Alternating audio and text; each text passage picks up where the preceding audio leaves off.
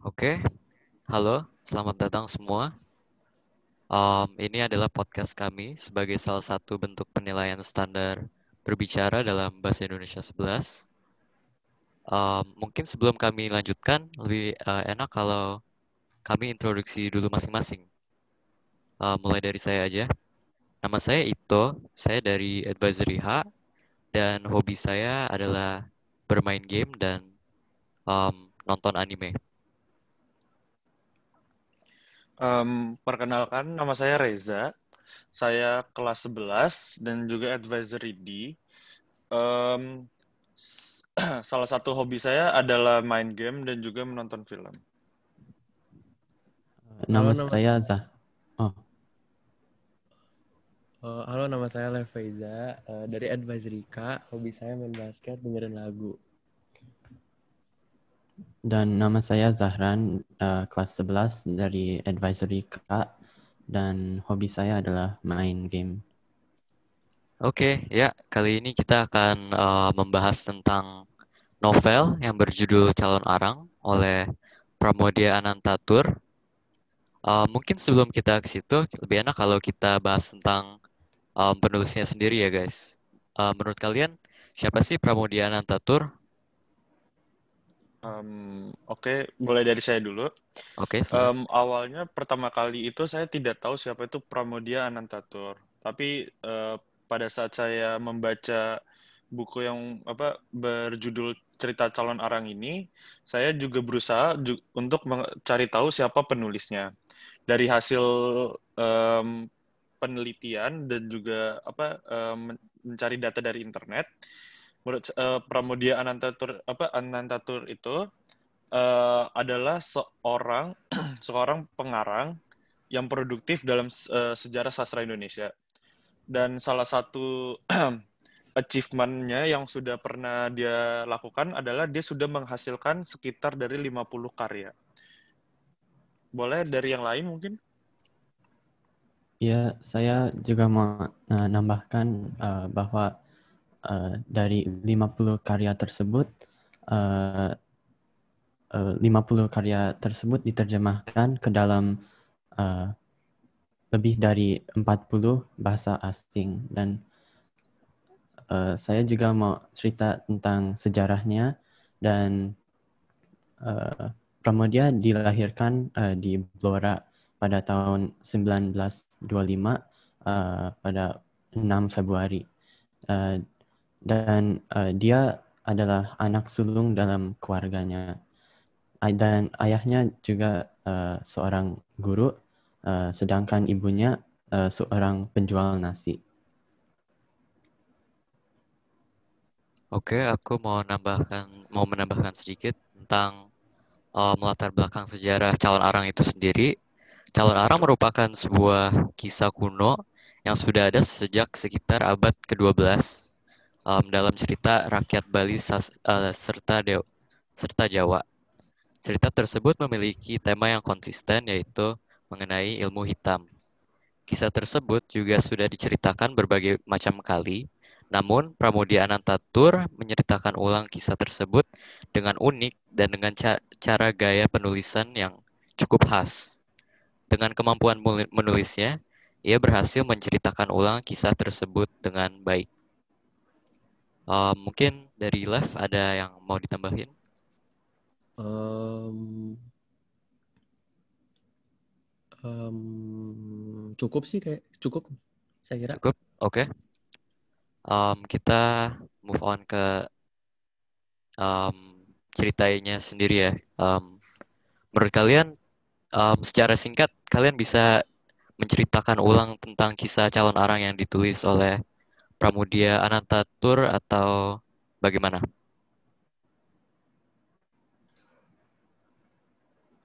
Uh, mungkin boleh dari yang lain dulu.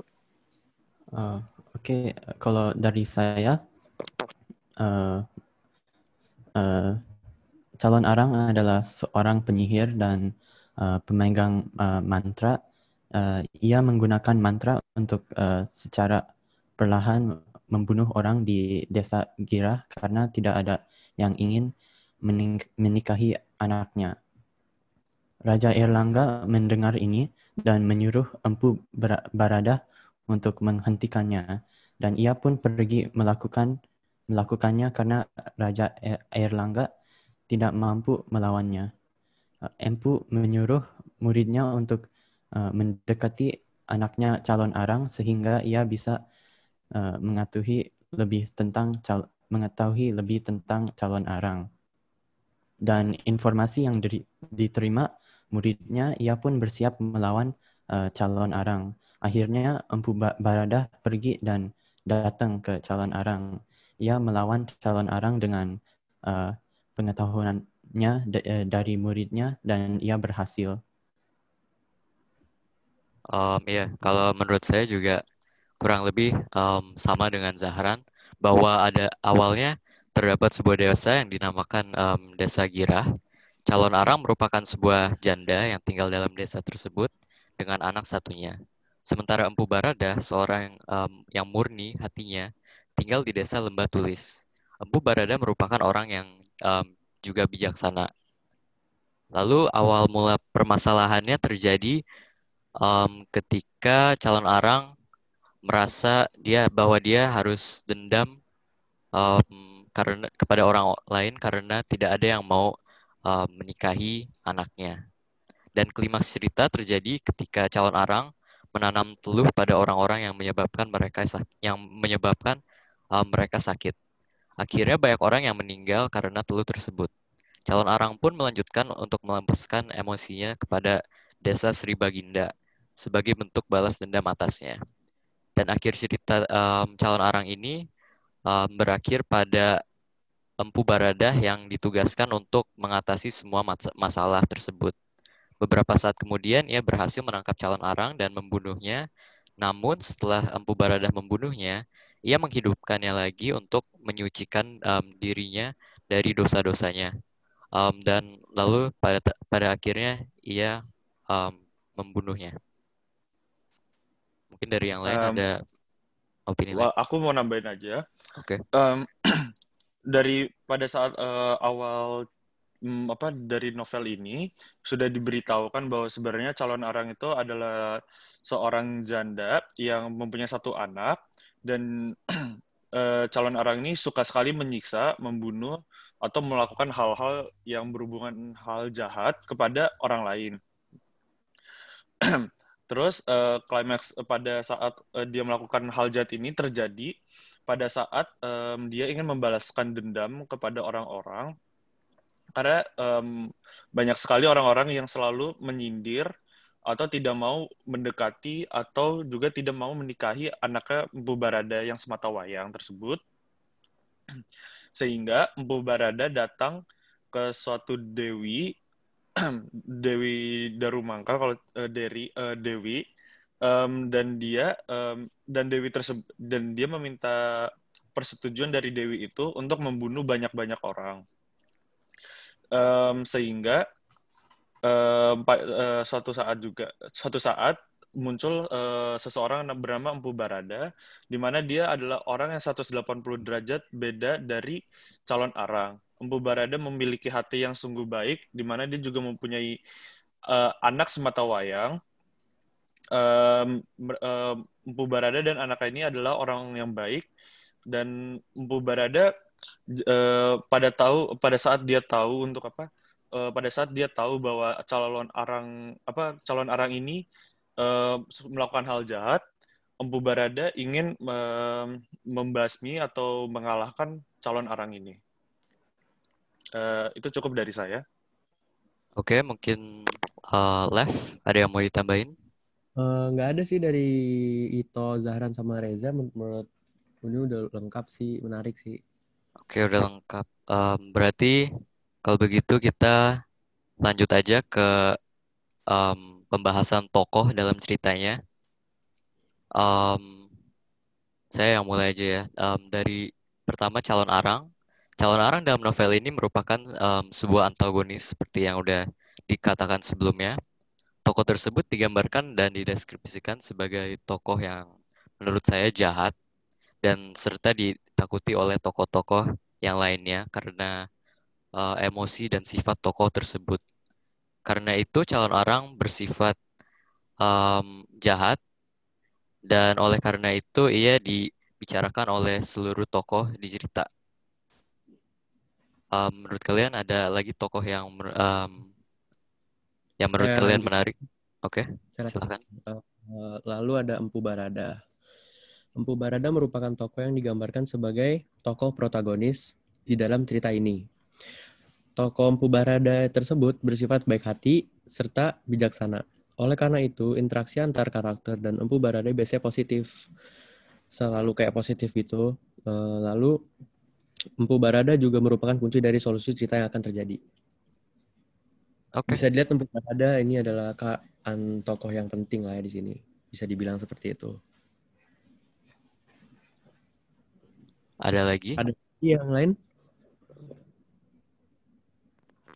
Em, salah satu karakter yang menurut aku em, menarik itu adalah sebenarnya anaknya Empu Barada yaitu Wedawati di mana em, We- Wedawati ini juga memiliki hati yang baik sekali.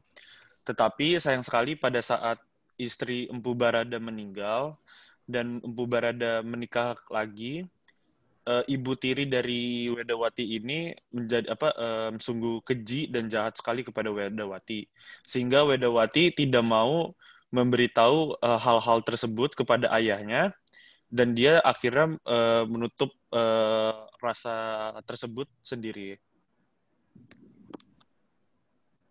Oke, mungkin dari Zahran ada yang mau ditambahin?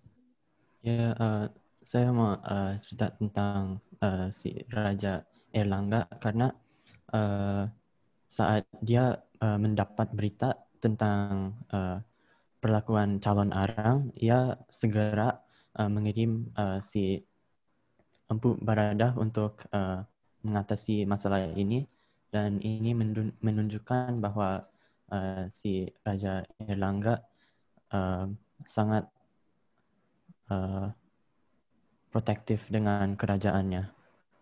Oh ya, jadi dia em,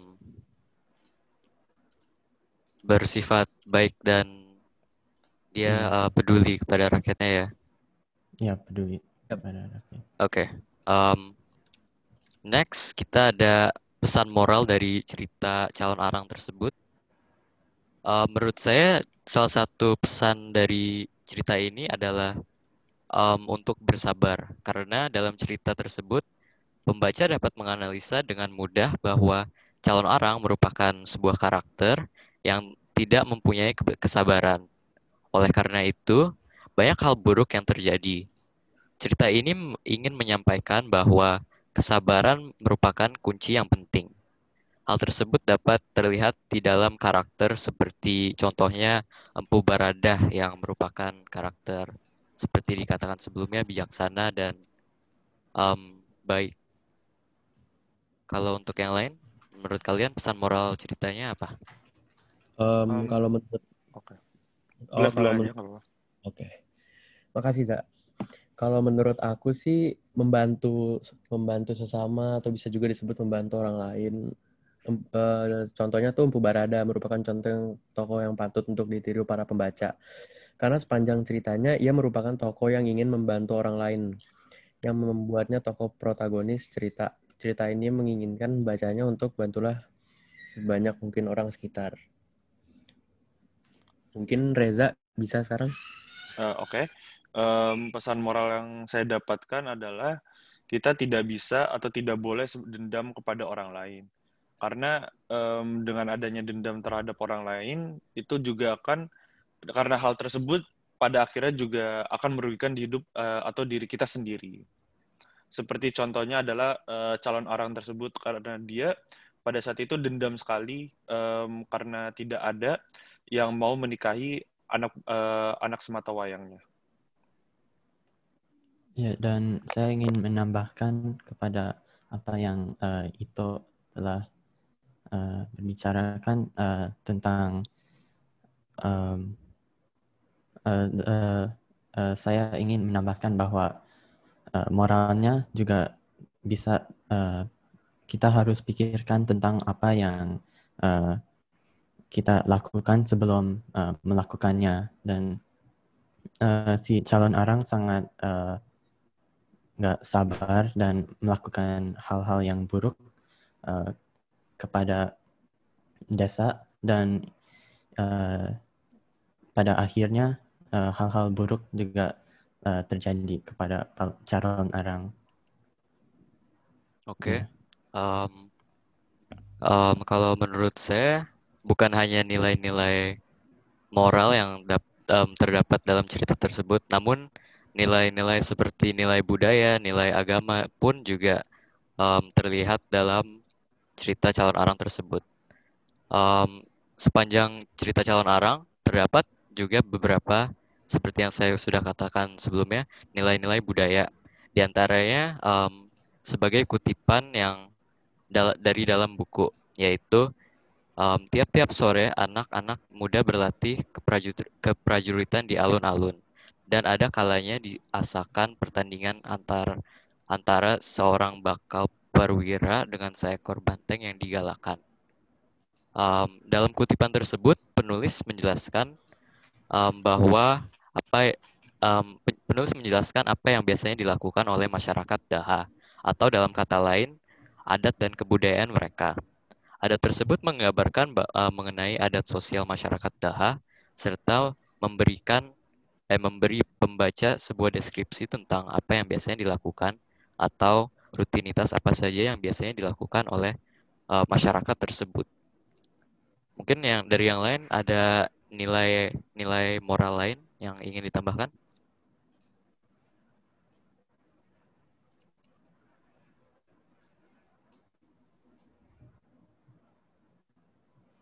Um, kalau dari saya tidak ada sih untuk dari apa untuk apa yang dijelaskan oleh itu sebenarnya sudah cukup. Ya, okay. saya juga setuju. Ya, Kalau nggak ada, um, mungkin kita bisa ngomong tentang um, habits of empowerment yang terdapat dalam cerita calon arang ini.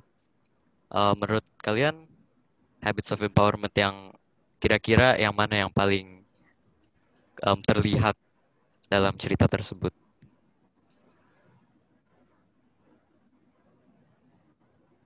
Kalau mungkin ada yang ingin berbagi. Uh, mungkin boleh dari yang lain dulu. Uh, menurut saya, um, habits of empowerment yang bisa terlihat dalam uh, cerita calon arang ini adalah untuk be curious ini mungkin uh, bukan habits of empowerment yang uh, sangat terlihat, tapi uh, bisa tetap bisa terlihat di dalam uh, cerita ini. Dan kita harus uh, belajar dari uh, Empu Barada dan kita harus mencari solusi yang uh, yang paling optimis dan uh, bagus untuk um, mengatasi apa masalah uh, kita Um, dari kalau dari okay. kalau dari saya adalah sebenarnya critical thinking dan juga kita juga uh, critical thinking. Karena karena sebelum uh, apa yang kita lakukan kita juga maksudnya kita harus uh, sebelum kita melakukan sesuatu kita harus memikirkan terlebih dahulu apakah hal tersebut akan berdampak kepada orang lain atau itu akan menyusahkan kepada apa orang-orang di sekitar kita dan juga kita harus be curious dan juga uh, find solution dengan apa yang tadi Zaran bilang. Um, karena kita harus um, dengan apa yang telah kita lakukan kita juga harus menemukan solusi apa solusinya tersebut. Dari left mungkin ada yang mau ditambahin? Hmm, apa ya um, team up for better result sih kayaknya. Karena dalam ceritanya tuh kayak ada berbagai situasi di mana yang harus kolaborasi merupakan bagian dari solusi yang paling efektif untuk memecahkan suatu masalah gitu jadi kayak team up for better gitu. Oke, okay. kalau menurut saya sih um, cerita ini mengajarkan saya untuk mengaplikasikan beberapa um, habits of empowerment. Salah satunya yang sudah disebutkan oleh um, kalian juga. Namun um, terutama saya rasa habits of empowerment yang paling kelihatan dalam cerita ini merupakan yang pertama yaitu menghormati orang lain. Um, saya kira bahwa um, cerita ini memiliki pesan-pesan moral yang terkandung um, terutama dengan um, menghormati orang lain dan juga um, kita harus tidak boleh um, bersifat dendam kepada orang lain. Um, apakah ada hal-hal um, lain yang ingin dibahas oleh um, kalian mungkin?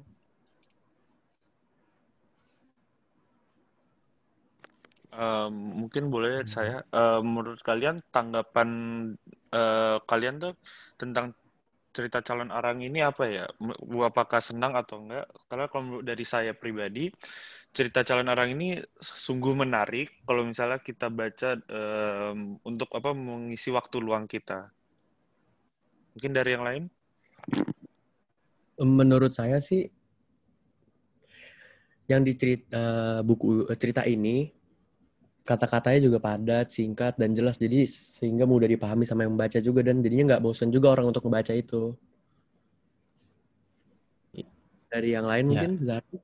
Ya, saya juga setuju karena uh, cerita ini uh, sangat menarik dan uh, pesan moral dan hal-hal uh, yang di uh, dan hal-hal uh, yang diceritakan uh, sangat relevan pada masa ini kalau like, uh, kalau dianalisa gitu.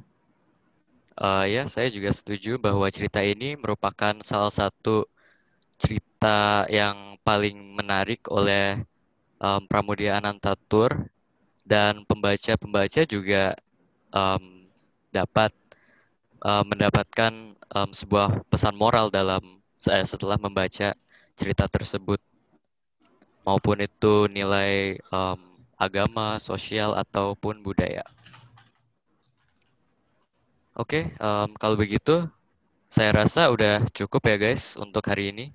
Terima kasih bagi yang telah mendengarkan dan terima kasih juga untuk um, Mr. Yuse yang sudah menjadi guru bahasa Indonesia kami.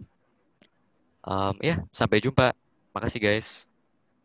Terima kasih. Terima kasih.